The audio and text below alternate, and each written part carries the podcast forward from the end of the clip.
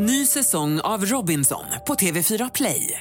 Hetta, storm, hunger. Det har hela tiden varit en kamp. Nu är det blod och tårar. Fan händer just nu. Det. är Detta är inte okej. Robinson 2024, nu fucking kör vi! Streama söndag på TV4 Play.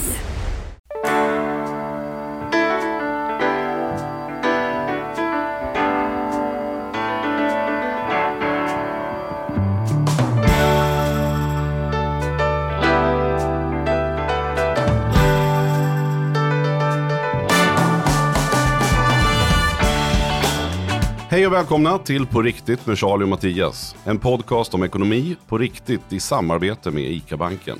ICA-banken är en vardagligare bank som tryggt och enkelt hjälper dig att hålla koll på din vardagsekonomi.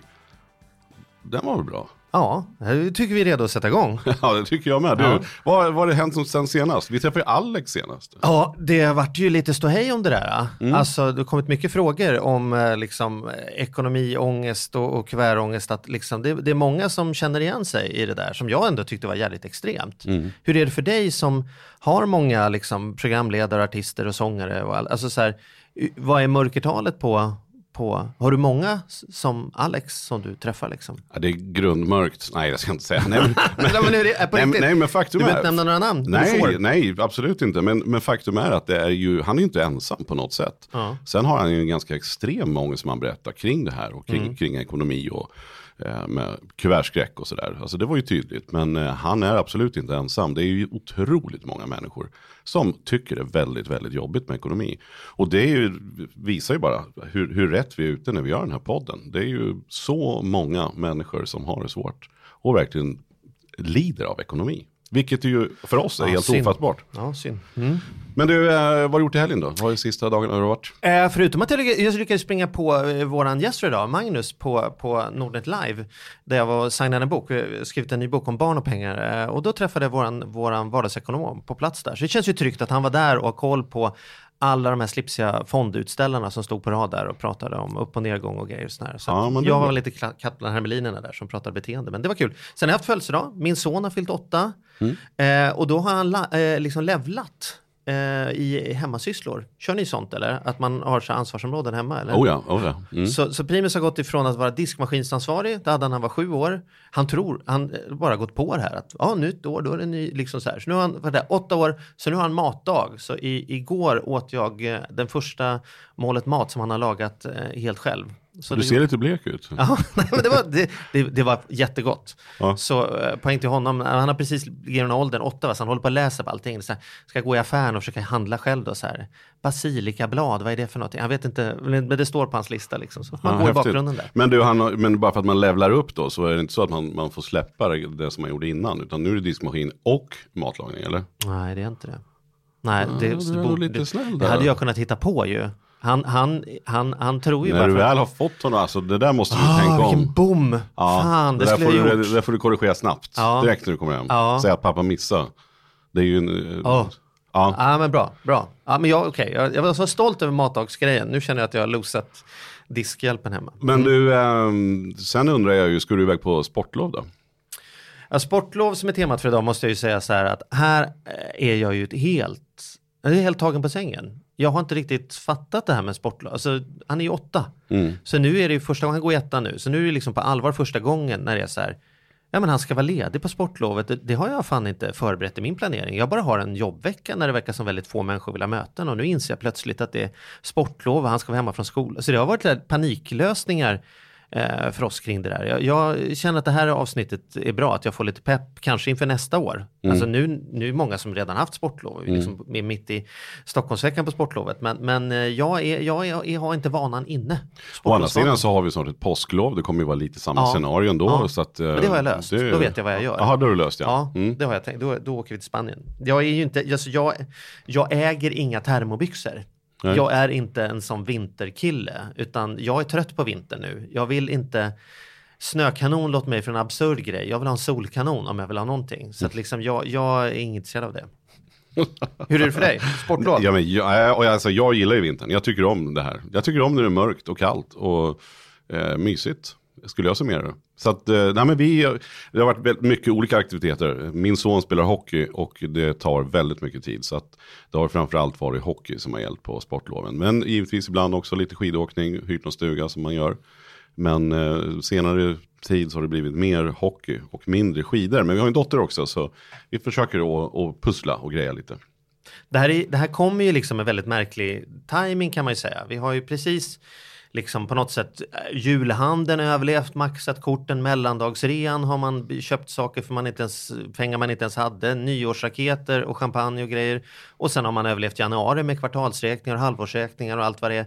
Och då när man på något sätt äntligen har börjat närma sig nollpunkten igen, ja då smälls det till med sportlov och en jädra massa människor som ska lägga pengar på fjällstugor och skidor och grejer. Det känns nästan som det är någon ekonomisk sadist som har planerat de här åren. Liksom. Ja, men, och de där kommer ju in hela tiden. Det är ju precis som du säger, nu kanske extremt efter jul och nyår och det här. Men, men det är nya resor som- som man förväntas åka på. Jag fattar ju inte hur familjer generellt sett har råd att åka på alla dessa semestrar som man gör. Men det är sommarsemester och sen är det på vintern ska man åka. Och sen är det sportlovet och sen är det påsklovet. Ja, det snurrar det. det. är- Och det är väl så att kanske inte alla familjer har råd. Men man tar sig råd genom att man kanske tar ett lån. Ja men låt oss prata lite om det där nu då. Vi har ju våran expert med oss idag.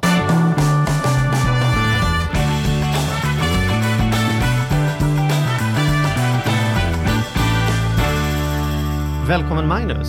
Tackar, tackar. Du är inte bara vardagsekonom på ICA utan också sportlovsentusiast va? Verkligen. Berätta! Jag har ju ett eh, förflutet. Ja, dels så på somrarna så springer jag gärna i bergen. Jag springer ju ultralöpning och eh, på vintrarna så åker jag gärna skidor. Jag är gammal skid, skidlärare. Så det ligger mig varmt om hjärtat. Men det, tyngden på dalskidan, det är liksom din specialgrej då? Liksom. Det, det är tricket. Tyngden på dalskidan älskling. Vad betyder det hemma då? Tjejen, får, när började hon åka slalom?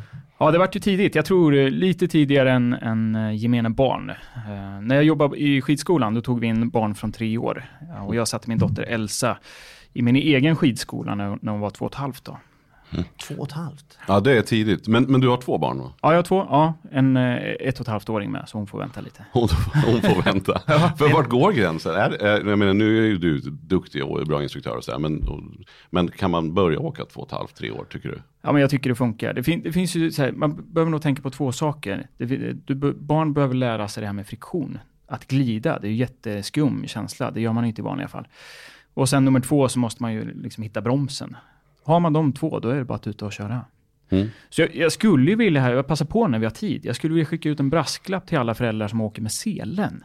Jag, vill, jag tycker inte man ska åka med selen. Har ni sett Nej, dem? men det När man Ja, men jag har- Sälen uttalas det, inte selen. åker i sälen. Ja. Jo men alltså jag hade ju sele på för att jag var ju livrädd när vi skulle åka. För då kunde vi åka de stora backarna. Och sen var det ingen fara, då, då höll jag honom. Och sen så, Men du är så lite kände jag mig harig med dina Ja, barn jag är väldigt harig med mina barn. Det kan jag absolut säga. Men just när man ville, det var en sak man stod i barnbacken. Men det var ju inte så roligt efter ett tag. Och då ville jag ju få med honom upp då. eh, I stora backen. Så då gjorde jag det och sen hade jag selen och så gick det bra. Jag, jag förstår, det är så här, se, jag, ska inte, jag ska inte förkasta selen helt. Men, jag men berätta hur du tänker. Ja, men jag tycker så här, jag kör den här ryggböjarövningen istället. Man får stå, åka baklänges som förälder och hålla skidspetsarna istället. Barnet måste ju lära sig plogen, eller pizzabiten går ju också att prata om. Det här är det viktigaste när man åker skidor. För det så, så får man balansen, i selet så hänger ju barnet framåt liksom. Men vänta nu, backa lite. Sa du att vi ska stå och åka baklänges? Är det Ja. det du säger? Ja, ja, precis. Om man då inte är baklänges. en, en skidinstruktör som har åkt tusen timmar. Du måste ju förstå att alla kan inte åka baklänges. Nej, jo, men det går. Man, då, man åker ju sakta med barnet. Det går. Prova, jag lovar. Ja. Barnet får lära sig balansen och bromsen. Och så pratar man, så kan man åka och putta lite på, på pjäxorna så de håller den här pizzabiten då, så de bromsar. För utan bromsen, då kan man ju inte släppa ut dem i backen. Nej, det är överens. Men ja, vi ska nog låta det där vara. Jag Vi- hoppas det var värdefullt för er som lyssnade för jag fattade nästan ingenting vad de säl eller baklänges och pizzabitar. Men okej, där får vi vara i alla fall. Men du, innan vi snöar in för mycket på, på utförsåkningen här. Sportlovet är ju liksom, alltså det är mycket som kan ändra på sportlovet. Å ena sidan kan det vara fjällstuga och å andra sidan kan det vara att man är hemma eller alltså att man åker till värmen. Det är väl liksom typ de tre vanligaste. Ja, Va, hur, van, hur vanligt är liksom det här överhuvudtaget? Har, någon, har vi några siffror att utgå ifrån? Liksom? Ja, jag har lite siffror faktiskt. Jag, om man tittar på det absolut vanligaste som, som svenska folket gör på sportlovet så åker man faktiskt till släktingar. Och det kanske vi ändå kan tolka lite som att man är hemma, för man, man semestrar ju kanske åtminstone, i varje fall i Sverige och, och i, i stad eller på landet där släktingarna bor. Eh, Men 800 000 svenskar åker upp till svenska fjällen i februari. 800 000 Oj. svenskar. Mm. Det är mycket folk. 800 000 i februari, och det är ju typ sportlovet då kan Ja. man säga. Finns det, finns det så många bäddar där? Alltså så här, nu känner jag att det här är någon folksport som jag har missat. Ja men du får också tänka att sportlovet är ju under flera veckor. Man har Ja. ju lagt det så. Så att det börjar ju någonstans nere i Skåne, Göteborg vecka sju och Ja. sen så är det ju mitt i Sverige någonstans, i alla fall Nyköping där jag kommer ifrån, Ja. vecka åtta och sen är det Stockholm vecka nio och sen är det väl ytterligare en vecka tror jag. Mm. Eh, så att det är ju utspritt eh, på flera veckor. Mm, precis. Och, och förvånansvärt tycker jag, det är 250 000 svenskar som åker utomlands till skidorter. Mm. Och, och där är ju kanske framförallt sen Norge har tagit mark de senaste åren med tanke på att eh, den norska kronan har försvagats. Så det blir billigare att åka till Norge de senaste åren än vad det har varit tidigare. Mm. Men då tänker jag ändå så här, utomlands ja, precis. Och det är ju en, en fråga som jag tänker jag skulle ställa till dig som expert. Det här med att, är det dyrare verkligen att åka utomlands än att åka till Sälen? Jag tycker att när man är uppe där att det kostar väldigt mycket pengar. Liftkorten kostar, man ska ta sig dit och det är ju nästan, alltså det tar ju väldigt lång tid att, att bila bara till, Ja. till Sälen någonstans. Man tycker att det, inte, det är bara 40 mil, men det är ju inte 40 mil på motorväg direkt. Du Nej. älskar, andra sidan Mattias, du älskar ju att köra bil. Du, så kan du välja mellan flyg, tåg, så bil är ju din. Ja, fast, Favoritgrej. fast jag älskar det, men mina barn gör det inte. Nej. Så att det gör ändå att det blir ganska långt. Ja. eh, Så. ja men jämför då, hjälp oss. Ja. Man jämför dels liksom energiåtgången av att hålla på och köra med packline i 12 timmar i mörker eller bara flyga ner och sen är det klart. Men också kostnadsmässigt. Ja, men precis. Om vi, säger, om vi säger så här, eh, nu pratar jag till hela Sverige för allt är inte Stockholm, men utgår vi från Stockholm så tar det ungefär fem och en halv timme att åka till Sälen, eh, vilket är den närmsta skidorten. Det finns ju lite mindre närmare, men om man tittar på de lite större. Och pratar vi flyg plus bussresa ner till Genève och sen bussen till, till Chamonix så pratar vi alltså fyra och en halv timme. Så det är lite det, det, det, kortare att åka ner på kontinenten än att åka upp till Sälen eh, bilmässigt. Och bor man som jag 45 minuter från Kastrup då kan man ju konstatera att det tar 9-10 timmar till Sälen i bil. ja, kontra, just det. Kontra typ en kafferast så är jag nere i fjällen. Ja. Nere i Alperna. Men för de, de i Mora så är det ju lite närmare då. Ja, Ja.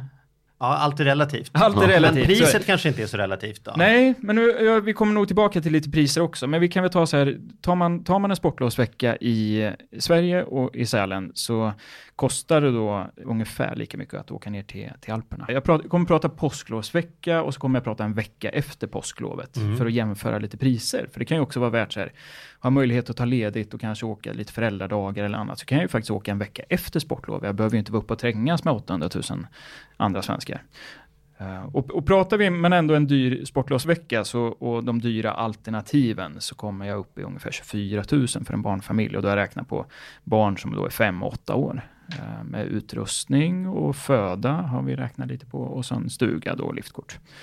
Och jag kommer, jag- kommer ner till Alperna då för 18 000 hela familjen med halv pension. Så jag behöver ju lägga till ett mål, ett mål mat då och eh, ta med mig utrustningen. Men det i runda slängar så är det ungefär samma pris en sportlovsvecka som åker ner till, till Alperna. Det kanske finns en anledning till det. här. Det kanske de som arrangörerna och de som driver backen upp i fjällen eller då i, i Sverige vet ungefär vilka priser det, det kan ligga på. Mm. Så är det nog. Så är det nog. Jag blir ändå förvånad. Alltså, jag, man har, jag har ju någon bild av att det skulle vara flottare. Men är du med på vad jag menar? Man säger så här, ja vi ska upp till Hundfjället en vecka. Så, ja nice, vad ska ni göra? Vi åker till Bad Gürnstein och ska flyga dit. Och så tänker man så här, fan vad de har pengar. Det är, samma kostnader. Ja, precis. Och vad lustigt, det var precis Bad Gürstein jag, jag tittade på Ja, som ja. Jag prisexempel. bara hävde ur med något så här som de stekarna brukar säga. Jag har ingen aning. Men, men jag har inte åkt skidor sedan jag var tonåring. Men, men, men, eh, ja, men intressant då. Mm. Att det typ är samma, sam, mindre timmar, lika mycket pengar. Och kanske inte lika trångt då, tänk, hittar jag på. Eftersom det, liksom, hela världen har ju inte sportlovsvecka. Utan det kanske är lite eh, mindre liftköer att hänga i Ja, men, Italien. Ja, och tycker man om att åka mycket skidor så är ju höjdmetrarna, alltså längden på backarna, är ju betydligt längre än nere i Alperna. Du får ju, du, du åker, åker lift lite längre, men du får också mycket, mycket längre åk. Jag tycker personligen i Sälen så åker man mest lift och, och lite backe, för det går fort ner och sen långsamt uppför. Du kan Men- köra pizzabiten i flera timmar Ja. om du är i Schweiz. Jag, får mer ryggskott i Alperna förvisso, men Precis så. Ja. Men du, eh, sen kommer vi till den här ständiga frågan. Eh, som man har tänkt på när man åker upp till fjällen eller om man åker ner till Alperna. Ska man köpa utrustning eller ska man hyra den? Ja, oh, det, är, det är en viktig och bra fråga. Jag har ju gjort en liten uträkning på det här och eh, man får ju göra lite antaganden såklart. Men jag räknar på att, att eh, man kanske har en utrustning ungefär fem år. Den lever säkert längre, jag, jag, förstår det också. Men jag måste ju räkna på något. Men säg fem år och man, man åker en skidvecka per år. Så, eh, så har jag tittat på då om man skulle köpa alldeles ny utrustning eller om man skulle köpa begagnad utrustning eller om man ska hyra vad som blir billigast. Och det är väl inte, inte så jätteförvånande kanske, men det, det, är ju dyrast att köpa nytt. Eh, det är det. Och det är näst dyrast att hyra och billigast är att köpa begagnat. Mm. Men då har jag ju några, alltså jag hejar ju här på hyra då hör jag. Baserat på några andra faktorer. Nummer ett, om jag ska köpa begagnat och så ska jag liksom åka runt och hitta någon på Blocket, åka hem till människor i garaget och så ska jag kolla att det funkar på Primus fötter. Och så vet man inte sex veckor senare kan ha gått upp två skostorlekar. Plus att jag ska dra upp hela den där grejen då till fjällen eller alltså vad jag ska ha någonstans. Kontra bara glida in morgonen, de provar, ni vet inte, kanske två timmars kö för att hyra skidor, vad vet jag, men, men det låter ju otroligt mycket smidigare om det inte är någon stor ekonomisk vinst. Ja. Eh, plus att om jag nästa år kommer på det att nu har man uppfunnit den flygande carving specialskidan, då kan jag hyra den nästa år istället för att bli stående där med min bräda som jag bara slog ihjäl mig på förra året. ja, men jag tycker det, det ligger något i det du säger Charlie. Det är ju så här, Behöver man, är man lite bekväm, och kanske framförallt barnfamiljen tänker jag. Så här, när man är små barn så byter de ju storlekar varje år. Det, de mm. växer ju som attans. Och det är klart, man kan ju sälja, sälja för en peng med. Eh, och det kostar inte särskilt mycket att byta då. Men eh, be, bekvämlighet och framförallt så här, ska man transportera sig på flyget ner till, till mm. Genève om man väljer det alternativet. Det kan ju vara lite stökigt med all utrustning och det ska specialbagage och det ska hämtas och väntas på där. Mm. Så jag, Sen ska man ha det någonstans hela året också. Mm. Ja, det ska man ju också ha. Ja. Mm. Nej, men jag, jag, är med dig, men jag tycker i varje fall så här, köp begagnat, eh, kanske om man är barnfamiljen, eh, om man har nära till backen, barnen växer mycket, det kostar pengar att köpa nytt hela tiden. Alternativt hyr, som du säger Charlie, jag tror att det, är de bästa två alternativen. Men man kan väl också konstatera, att jag vet att det finns också sådana här by, bytesmarknader ganska mycket. Det är mm. många som arrangerar det, så jag tror också att det kan ju vara ett alternativ att man faktiskt köper och byter. Eh, det är många som är duktiga på det här, det finns ju med Friluftsfrämjandet och andra som som är bra på det där. Så att eh, det är ju det är ändå klart möjligt, även om barnen växer menar jag. Så, så har du ett par schyssta skidor så kan du uppdatera neråt och uppåt. Så att Verkligen. Säga.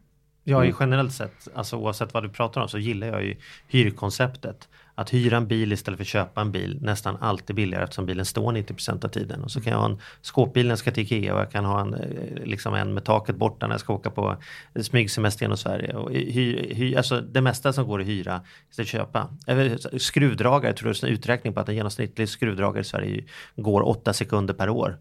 Mm. Liksom att köpa det kontra och, liksom hyra eller låna av grannen är liksom egentligen barockt. Liksom.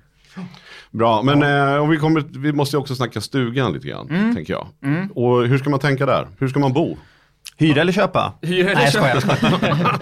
ja, priserna har gått upp fruktansvärt mycket i fjällvärlden, så det kan vi konstatera. Så hyra, det blir dyrt. Eh, och nyttjandegraden också. Men, och det är intressant, om man tittar på de här st st eh, stora eh, vad ska vi säga, eh, aktörerna som finns uppe. Som, om man hyr en stuga, eller om man äger en stuga uppe i Sälen så kan man ju hyra ut den också för att och tjäna in lite pengar. Eh, men de stora aktörerna där uppe då som man, man kan hyra ut igenom, du vet, de tar 20% mm. när du hyr ut en stuga. Istället för att hyra ut en privat då. Ja, just det. Men nu är det ju så, om vi ska hålla oss till att de allra flesta äger ju inte en stuga och, och hyr inte ut den. Men hur, hur ska man tänka då? De här andra 780 000, eh, som, eller 795 000 som inte äger en stuga. Hur ska man tänka eh, för att få runt det? Ja, jag, jag tycker man kan, ska titta på två alternativ. Antingen så äh, väljer man hotellet det finns faktiskt en del hotell att bo på. Eh, eller alternativt att eh, hyra privat. Då. Söka på Blocket eller på andra sådana här sajter, uthyrningssajter. Och där har jag också såklart jämfört lite och då har jag jämfört också så här vecka, en, en sportlovsvecka med en icke sportlovsvecka. Och tittar man på hotellen ligger ganska jämnt. Där pratar vi ungefär 12 000. Nu pratar vi återigen för den här barnfamiljen då. 12 000 för en vecka mm. uh, att bo på hotell. Mm. Så det, det är saftiga pengar det är saftiga pengar. Och tittar man då hyra stuga, Och då är det 12 000 oavsett vecka egentligen. Det är inte särskilt mycket dyrare på sportlovet än vad det är en vecka, vecka efter. Men pratar vi eh, hyrstugan så, så kan du få en för 9 000 en sportlovsvecka. Det är ju ändå eh, många tusenlappar där. Eh, och 6 000 om du hyr en veckan efter sportlovet. Mm. Så det är 3 000. Så, det, Och då kan det ju bli så här, då kan det bli hotellet 12 000 kontra stugan 6 000. Det är stor skillnad. Ja just det, men då bygger det på att man får ledigt och det är ju inte helt enkelt. Man har ju skolplikt så att eh, man kan inte hur som helst bara ta ledigt med, med barnen. Det är ju mycket på våren också, sådana här nationella prov och annat vet jag, i alla fall när barnen blir lite större. Så det är kanske någonting man ska passa på att säga till de som, är, som har mindre barn. Ja, eh, som ju precis. inte har en skolplikt. Eh, så att man faktiskt kan då ta, ta veckan innan eller veckan efter. Eller när det inte är i säsong då. För då är det ju uppenbart att man kan tjäna mycket pengar. Ja, jätteviktigt. Och jag tänkte på det här när ni pratade om tidigare. Ni, eh, för Charlie så är det här nytt med sportlov och, och Mattias, du, har, du är erfaren sportlovare. Jag har ju, mina barn är ju så små så vi vet ju inte ens vad sportlov är. Det är ju dagis som vanligt och full rulle. Så för, för oss så finns det inga veckor och då kan det ju verkligen vara läge att, att ta en vecka senare. Just det. Men när du jämför nu, nu jämför vi hotell mot stuga. Jag har ju någon sån här bild från när jag var barn att det var stuga och man var två, två familjer som samåkte upp och vi lekte och det var liksom allting var i så här träpanel och, och, och luktade lite märkligt och man bastu och sådana saker. Men då tänker jag också fördelen med stuga, eller åtminstone måste räkna med, får man inte kunna en för nackdel, det är ju mat, matkostnaden. Sitter man på ett hotellrum 800 000 människor som är uppe de här veckorna. Jag tror inte att en hamburgare kostar 49,90 direkt om hela familjen ska käka tre gånger om dagen. Det är väl lämpligt om man idrottar va? Jag menar matgrejen då? Ja, maten är ju fruktansvärt dyr, jag måste säga det. Jag tycker det är ohyggligt när man är uppe i, och, och det är ju som på flygplatser. Det är ju anskrämligt. Jag, man kan ju inte, får ju smussla in en macka, man kan ju faktiskt ta in mat i, genom kontrollen. Det går ju bra, inte dryck då. Men, Nej. men eh, det- är ju lite som man vill göra här uppe också, smussla med sig mackan. Men det, är- det är verkligen så att eh, du kan spara otroligt mycket pengar på att eh, laga mat hemma och framförallt så här, laga mat hemma hemma innan du åker upp. Mm. Eh, och det går jättebra att frysa vissa saker. Och, eh, vi kommer tillbaka, jag har, jag har några mattips jag skulle vilja skicka med också. Men tittar vi, tittar vi på pengen så kan man säga att en lunch i Sälen, när jag tittat runt lite, det, för en vuxen, det kostar ungefär 160 spänn med dryck. Eh, och då är det ganska billigt. Mm. Och 90 spänn för barn. Det finns ingen maträtt under 55 och sen ska de ha lite, lite dricka på det och lite sådär. Så, så man, man kan, ja, 160 för vuxen och 90 för barn på lunch. Och pratar vi middag då eh, så är det ju ännu mer givetvis. Det är en 300 spänn för en vuxen. 300 och då har jag tagit eh, ett genomsnitt på, på tre restaurangers menyer. Mm. Så 300 spänn med dryck och då har jag, räknat, då har jag inte räknat eh, vi- vin eller ja, någon form av alkohol utan vatten. Det är väl ingen som, som ut, använder någon typ av alkohol under På fjällresan? på fjällresan? nej, det har jag nej, aldrig nej. talas om. Nej. Nej. Men och, pratar vi middag för barn så kan det vara upp mot en 150 spänn där. Mm. Eh, Så det är dyrt. Men vi gjorde så, eh, när vi har åkt, då har vi sagt att en dag går vi ut eh, och käkar. Och då på den lokala krogen som då är riktigt bra. Som man har fått hört och, och googlat fram att den ska vara bäst. Men i övrigt så, så har vi ju kört både mat, eller både hemma hemma som du sa. Det vill säga tagit med lasagne, fryst och eh, håller sig jättebra. Eh, håller sig fryst hela den där långa vägen faktiskt eh, upp och sen stoppa in den i frysen när man kommer fram. Men även då att man kan köpa och råvaror och laga.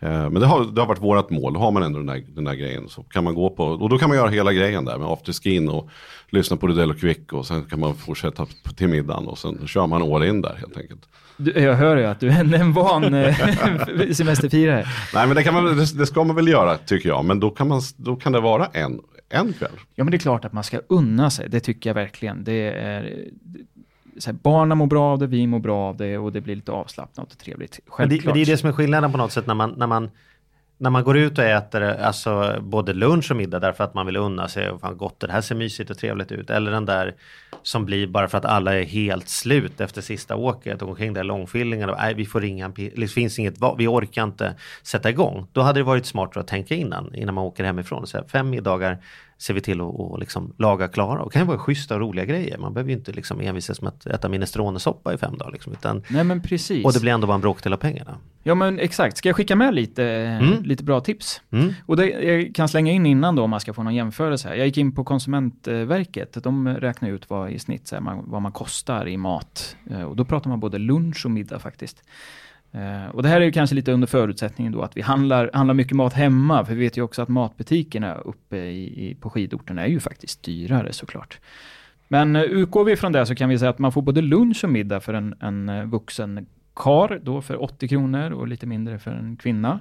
Eh, och då, lunch, middag 80 spänn då jämfört med 160 plus 300. Mm. Ni förstår vilka, vilka Ja, det är enorma pengar. Ja, och för det lilla barnet då, de kostar väl en, en, mellan 30 och 50 spänn då, beroende på ålder om man Mm. käkar lunchmiddag hemma. Mm. Så jag tycker så här, eh, kycklingfilé är en sån här bra sak som man faktiskt kan steka hemma och eh, funkar bra att frysa in. Smakar gott när man kommer upp. Jag tog ju kontakt med, i och med att jag jobbar på ICA-banken, vi hänger ihop med ICA, så tog jag kontakt med eh, eh, ICAs kockar för att få lite inside-tips. Jag, jag, är inte, jag är inte kock själv kan jag säga. så jag behövde lite hjälp här. Men eh, kycklingfilé tycker om att frysa in och ta med. Eh, Jag tyckte det här med tacos var väldigt smart. Om man steker det hemma och tärnar grönsakerna. När du kommer upp sent på kvällen om du har åkt eh, fem och en halv timme från Stockholm upp till, då har du färdig mat som du kan värma på bara. Mm. Tre minuter så har du färdig mat första dagen om du steker tacos som du tar med. Och Mm. det räcker ju med att slänga ner i en kyl, kylväska så har du det färdigt. Just det. Mycket smidigt. Lasagne som du nämnde Mattias, väldigt bra. Eh, Jag gör en grym lasagne kan jag berätta. Ja, och jag med. Ja, jag brukar spara resten av glöggen och använda i köttfärssåsen där. Glögg i köttfärssås, it's the bomb, kan jag säga.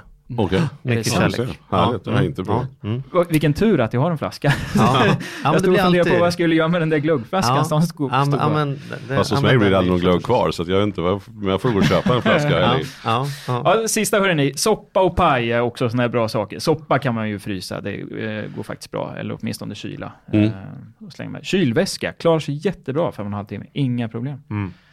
Men det Bra. finns ju också, om man nu känner så här, jag är inte den där matlagningstokiga människan, för det finns ju de som verkligen inte tycker det.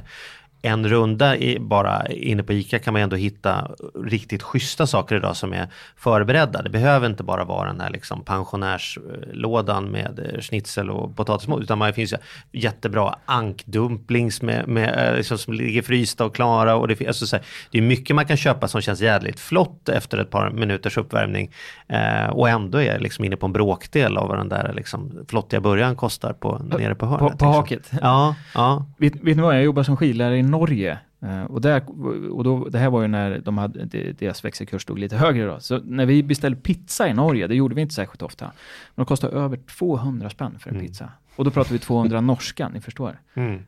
Ja, då var det dyra tuggor. Det är bra marginal i Norge på pizza. Men du, nu, nu pratar vi så här hemma på kvällen i långfillingarna där eller superunderstället, men eh, alltså, i backen då? Alltså, vad, vad, hur, hur gör ni Mattias? Käkar ni, har ni med er korv, eh, Bullens pilsnerkorv i en termos? Eller Nej, det, men vi, när vi har åkt eh, så det- har det oftast varit i mindre anläggningar så att vi har paus, man har åkt förmiddag. Sen så har man gått till stugan och käkat. Eh, och ofta så, Ah, så du går hem ju, till- du går hem Ja, ofta så ligger ju stugan i Ah, ja. backen. Så att det, Ah, man, man ah. åker in eh, Ah, ja, ja. i Nice. stugan och sen så tar man en paus och laddar batterierna lite grann och käkar och sen laddar man för eftermiddagsåket. Men så hade inte jag det. När jag åkte med mina föräldrar, då hade vi stugan att man behövde köra med bilen en bit bort eller gå i de där pjäxorna, du vet så här, duk, duk, duk, det går helt, man är knäpp i fötterna och gå i de där stenhårda pjäxorna. Men Så det var inte som att man gick hem på lunchen utan lunch behövde ju ätas i backen på något sätt. Ja, liksom. men hur gjorde ni då? då? Ja, men min, min mamma är ju en supersparare så att det var ju mat som hon hade förberett och lagat. Då fick man ju så här rullade pannkakor eh, med någonting i så liksom, och sen så varm choklad i någon termos liksom, eller någonting som var kanske fesiumen till lunch då. Men det, det funkade skitbra.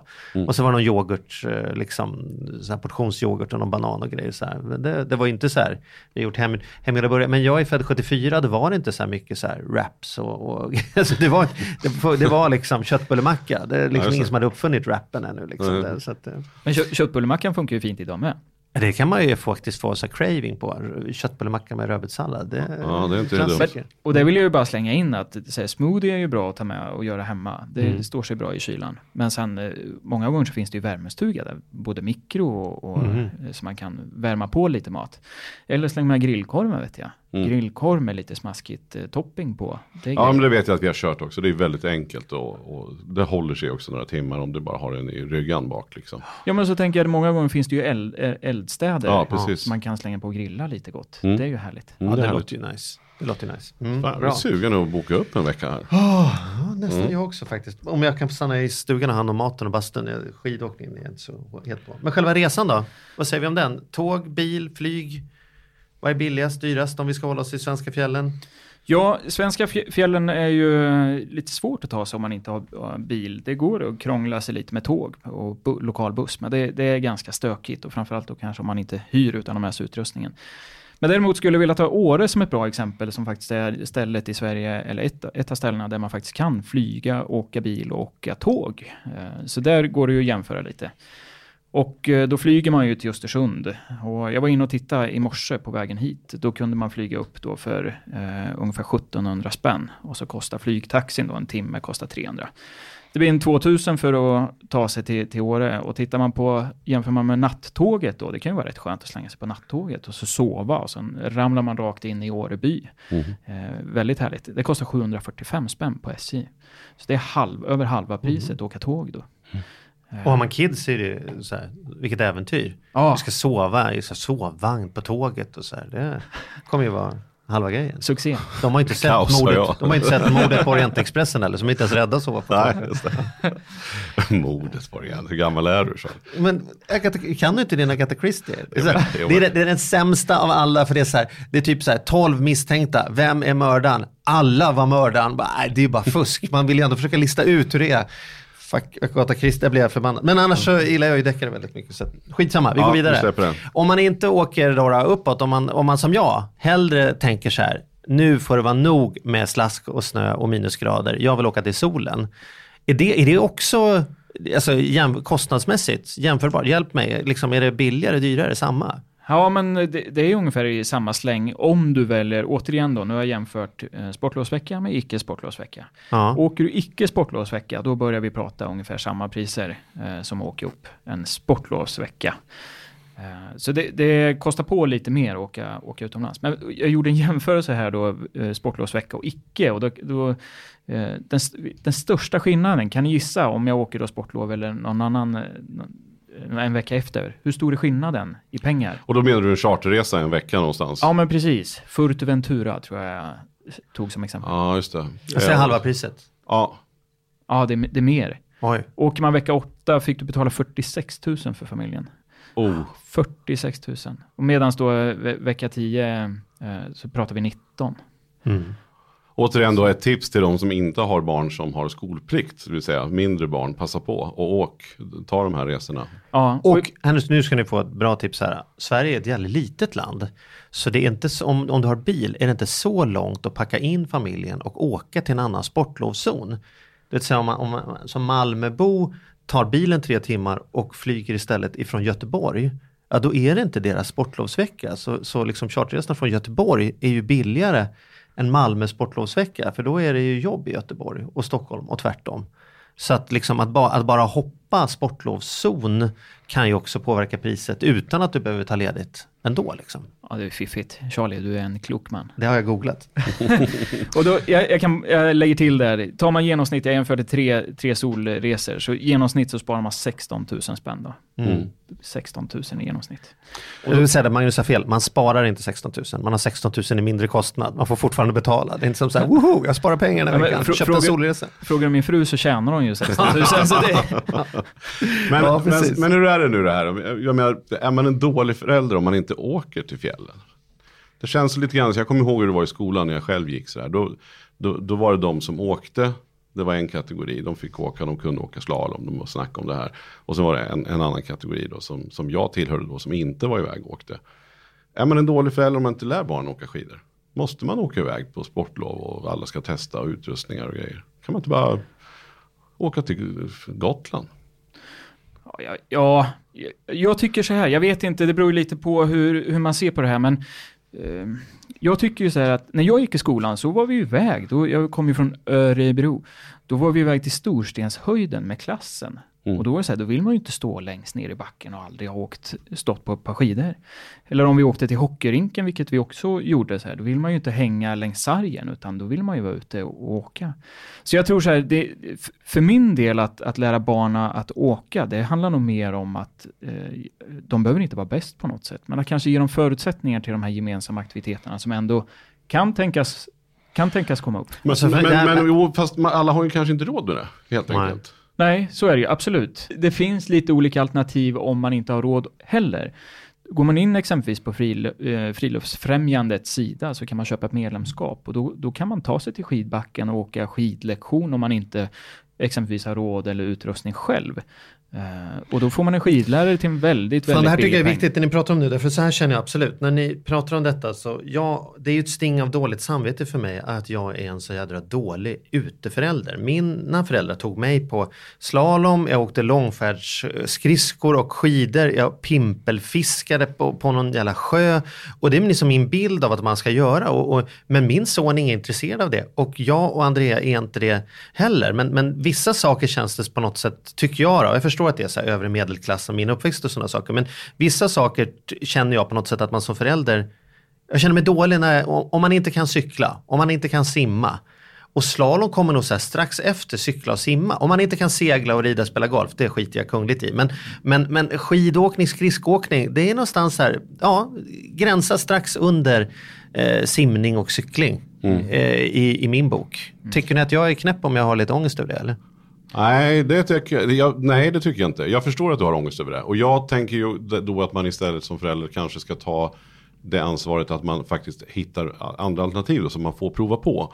Precis som du var inne på, man kan, man kan ringa till olika föreningar, de har oftast att man får testa på. Så att man inte står där vid sargen och inte har provat någon gång. Det tycker jag kan vara ens eh, liksom föräldrarnas skyldighet faktiskt. För det tror jag alla kan ta sig råd med.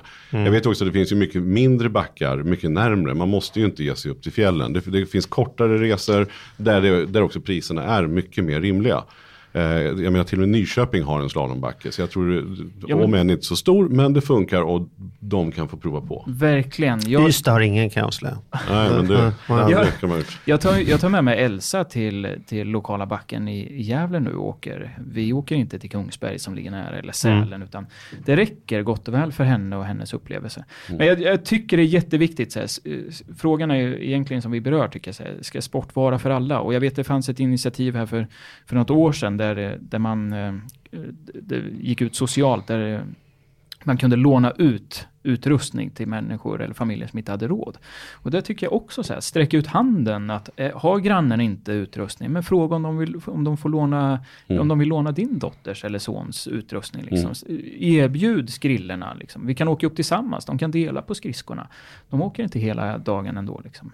Nej men precis, göra, att, att göra tillsammans. Men att, ett tips också där är ju att ringa runt till föreningarna. Som har, för det finns ju lokala föreningar inom i princip alla sporter. Och, så, och som har provat på aktiviteter. Och särskilt på de här loven så brukar de vara duktiga på att erbjuda eh, liksom att man får testa att spela hockey eller vad det kan vara. För att man ska kunna få ett intresse och, och liksom kunna komma igång och sådär. Och då har de nästan alltid all utrustning som krävs. Så att- Jag tänker att jag har löst det nu. Jag fattar hur jag ska göra. Nästa sportlov skickar jag upp Primus till Magnus en vecka.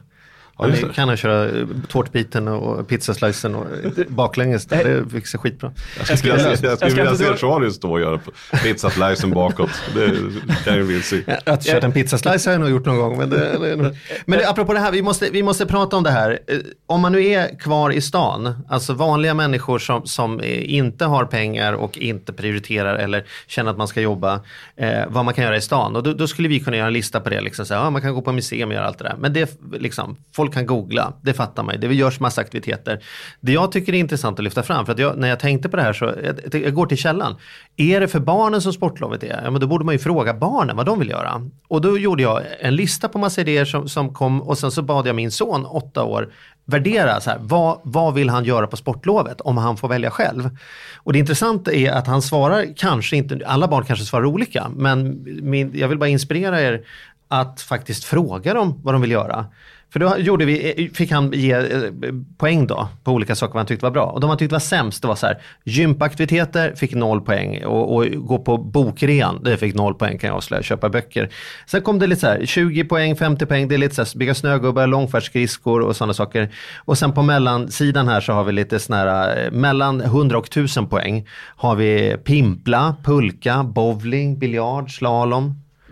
Eh, men de som fick absolut bäst, och nu ska jag alltså läsa upp top, Primus topplista, som fick över en miljon poäng. Då fattar ni att det är heta grejer. Det är Primus topp 5-lista.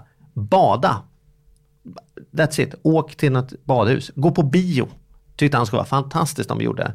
Gå på museum. Sen det här, häng på den här, det här kommer alla föräldrar älska. Slappa. Få vara hemma, kolla på YouTube, liksom sovmorgon. Men den, den som fick absolut mest poäng, och den här är smart, den här kom Primus på själv, för han fick lägga till den själv. Låna ett husdjur.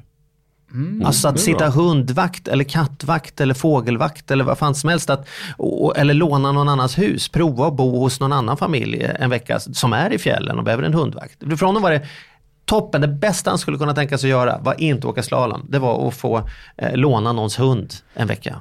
Jag gillar det här. Empirisk undersökning Ja. och att man slipper att köpa ett husdjur. Man kan låna det. Det kan, kan inte bli bättre.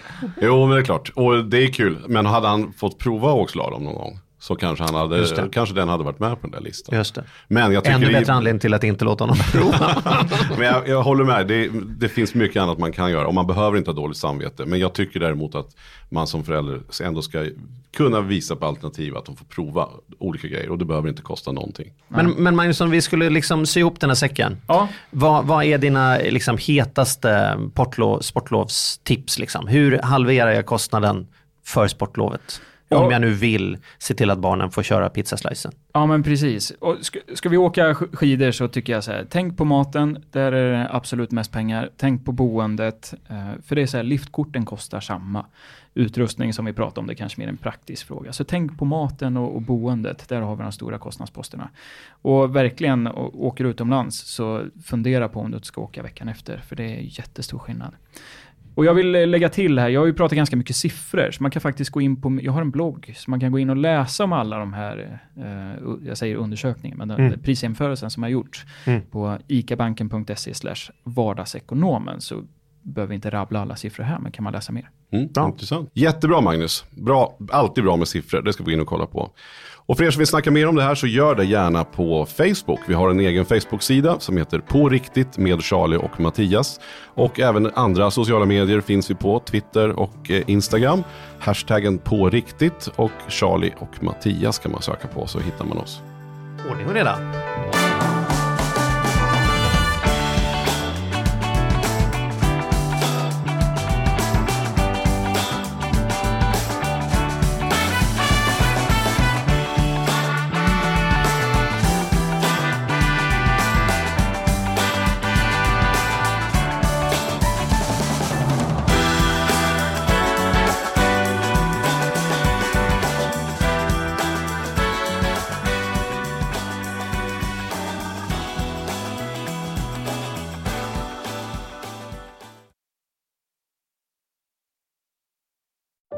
Säsong av Robinson på TV4 Play. Hetta, storm, hunger. Det har hela tiden varit en kamp. Nu är det blod och tårar. Fan händer just nu. Det. är Detta är inte okej. Robinson 2024, nu fucking kör vi! Streama söndag på TV4 Play.